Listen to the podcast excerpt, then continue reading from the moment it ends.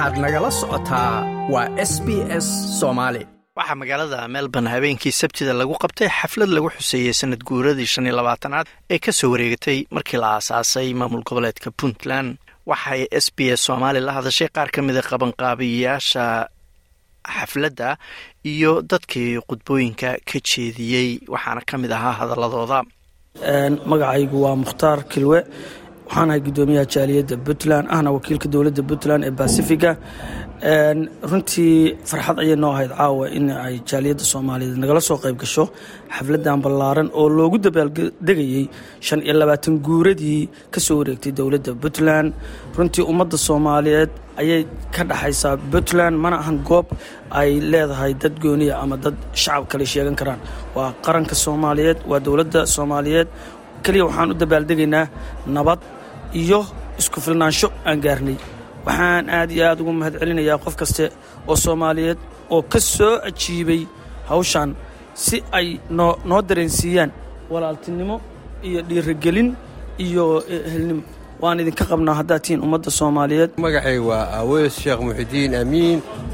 Waxaan ahay guddoomiyaha koonfur galbeed australia. Waxaan caawa ka soo qayb galnay xafladdii guuradii aas-aaskii dowladda goboleedka puntland waxaan leenahay hambalyo hambalyo. Runtii door weyn bay ka cayaareen horumarka soomaaliya gaar ahaan gobolka. Waxaan u rajaynayaa bashbash iyo barwaaqo iyo cumri dheer.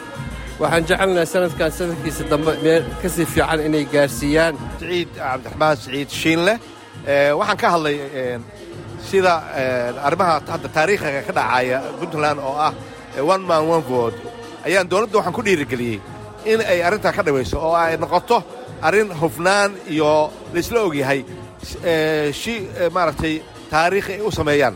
Hadday guulaystaanna hadda waa taarikh bay sameeyeen iyadoo axsaabta la tartamayana ay raalli ka yihiin iyo ayaga arrintaas ay ka wada tashteen si u socotana ay ka wada shaqaynayaan guusha heshana taarikh bay sameeyeen.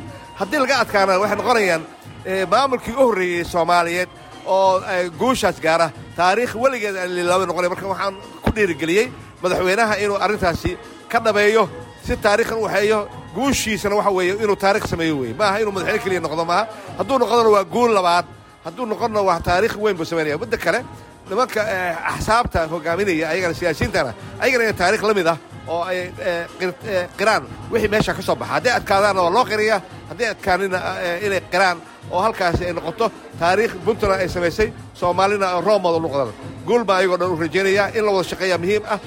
Waana arrin arrinta qabaa'ilka iyo meel laguma gaaro. Arrimaha qabiilku waxay noqonayaan waxaan weligeedba anaaniye iyo isdabajoog noqotay laakiin middaan sida adduunka caalamka u hormaray qabiilka ka tegay inaan ka tagno weeye oo aan gaarna guushaas bismillahi raxmaan raxiim magacaygu waa cabdulqaadir khaliif guddoomiyaha jaaliyadda galmudug. Halkan waxaan u nimid caawa in aan u hambalyayno jaaliyadda puntland shan iyo labaatan guuradii ka soo wareegtay oo sidoo kale haddana ku tallaabsatay tallaabo cusub oo ah inay one man one ford ay dhaqan geliso. Ahna maamul goboleedkii uguna horreeyey haddana middan ugu horreeyey waxaan leenahay hambalyo dhammaan maamul goboleedka galmudug maamul goboleedka puntland. Aad iyo aad u mahadsan yahay kudayasho fiican ayuu yahay. Marka waxaan leeyahay hambalyo dhammaan sidoo kalena waxaan maaragtay meeshaan baaq uga diraynaa madaxweyneyaasha iyo guddoomiyayaasha baarlamaanka maamullada soomaaliya ka jira oo dhan in ay iska dhaafaan muddo kororsiga iyo xilbadsiga oo ay qabtaan shaqadii loo igmaday oo meesha u yimaadeen nin walbana afartiisa sano oo afartiisa sano isla ekaysiiyo sidoo kalena oo ka shaqeeyo waxyaa waxqabad inuu ku soo laabto intuu muddo kordhi lahaa. Waddankuna uu dib u dhac samay lahaa. Sidoo kalena dowladdii dhexe maadaama laga tegey federaalku uusan shaki noqon oo aan lagu kala tegin isaga laftirkiisa. Sababto haddii qofku yimaada iska joogo federaalka micnihiisu waa in la isbedelo ee maahan qofku inuu iska joogo. Haddii maamul goboleedkii dictator noqdo goboladii dhex dictator noqoto wakhtiga lagu bixiyo wax aan soomaali anfaca maahan wixii soomaaliya shal ku dirtay sidoo kale waxaan ognahay maamulkii dowladdii dowladda hadda ugu dambayso waxaan ugu dambayso waxay ahayd waxaan ku diidaynay oo lagula dirirayay farmaajo iyo dadkii maamulkiisii muddo kororsiga haddana raggii asaga ku haystay laftirkooda ayaa maamul muddo kororsigii wada oo lambar one ka ah in waan ognahay koonfur galbeed waa korarsatay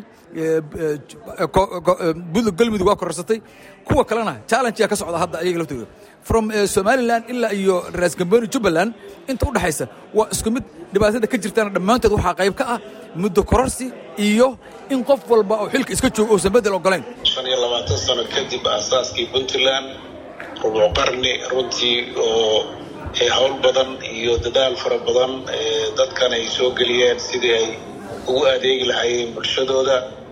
Waxaan marka ugu horeysa u hambalyeynayaa idinka inta soo qaban qaabisay iyo dhammaan inta ka soo qayb gashay iyo dhammaan ummadda soomaaliyeed kuwa reer puntland meel kasta ay joogaan inaan farxaddaas isbuucii puntland aan idigala qayb galo.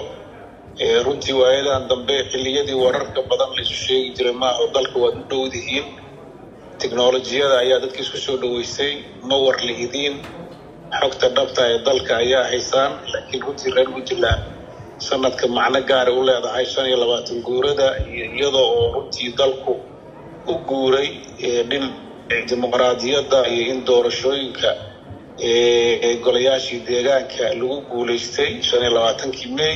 Haddana loo madlan yahay in doorashooyinka madaxweynenimada iyo baarlamaanka lagu qabto iyada oo runtii ahayd arrin muddo dheer ummadda tan ay sugaysay waxay ku soo beegantay shan iyo labaatan sano kadib. Waxaan rabnaa ilaaha idankiis in dal degan oo xasilan oo ahdaaftii loo aasaasay oo ahayd inuu dadkiisana horumarin iyo deganaansho iyo dowladnimo gaarsiiyo soomaalidana uu qaybta uu ku leeyahay ka qaato iyo guud ahaan deganaanshaha gobolka. Arrimahaasaa ugu muhiimsan runtii howlaha adag ee horyaalla dadka reer puntland waxaan ka mahad celinayaa kaalinta aad ku leedihiin ka qayb qaadashadeeda arrimaha adag ee soo wajaha oo hadda ugu muhiimsan tahay arrinta laascaanood ka socota gacanta aad ka geysateen mid dhaqaale iyo mid moralba. Sidoo kale waxaan rabaa inaan u mahad dhammaan cid walba oo wax ku kordhisay dhismaha puntland ama ha joogto ama ha ka maqnaato qofka ugu yar ee faamilkiisa iyo dadkiisa wax tara qayb buu ka yahay dhismaha iyo deganaanshaha puntland iyo horumarkeeda iyo nolosha dadkan oo asalka puntland ay tahay in ummadda loo adeego si ay nolol degan ugu noolaato. Marka waa maalin farxadeed war badan inaan inii sheego oo ma ahayn ahamiyadeedu gaar ahaan faarax oo guddoomiyaha iyo ragga kale la shaqeeyey xafladan iyo guud ahaan.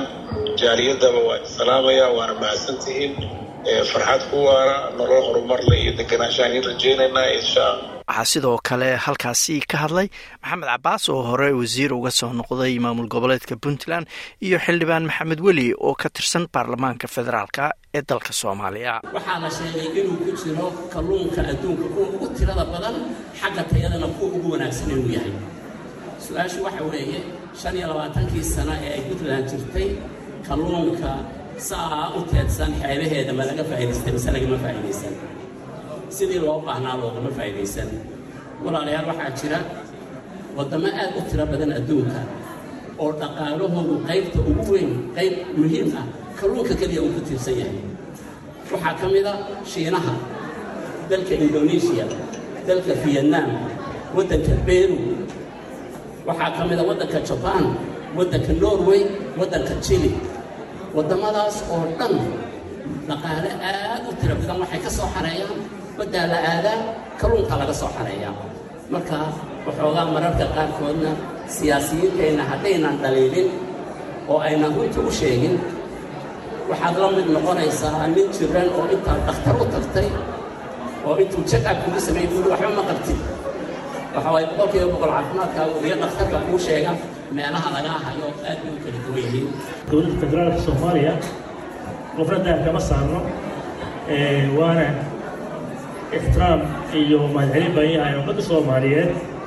Waan ognahay haddaad xoog iyo hiilo iyo aqoon ama garabstaag laheed. Inay maanta dowladda federaalka soomaaliya jir laheed iyo kale. Waad mahadsantihiin ummadda soomaaliyeedna waxaan ii sheegayaa inay abaal ay hayaan arrintan ood maaragtay ku garabsaagteen inay soomaaliya lugeeda markab ku istaagto caalankeeda laga taagan dhowr walba oo maanta aan adduunka ka mid nahay. Sidaad og tihiin puntland waxaa ka dhacay horumar oo aad og tihiin maaragtay inay samaysay doorasho qof iyo cod runtii anigoo dhinacba dhinac weexanaynin horta waa muhiim inaan ka fiirino sawirka weyn. Macnaha waxa yar qalab dhacay waa la waa la hagaajin karaa laakiin sawirka weyn wuxuu yahay inay awoodda lagu celiyo shacabka soomaaliyada lagu celiyo shacabka lagu celiyo taasna waa tilaabo wanaagsan oo runtii ogaadin mudan like aas la wadaag wax ka dheh lana soco barta facebooka ee sb s soomaali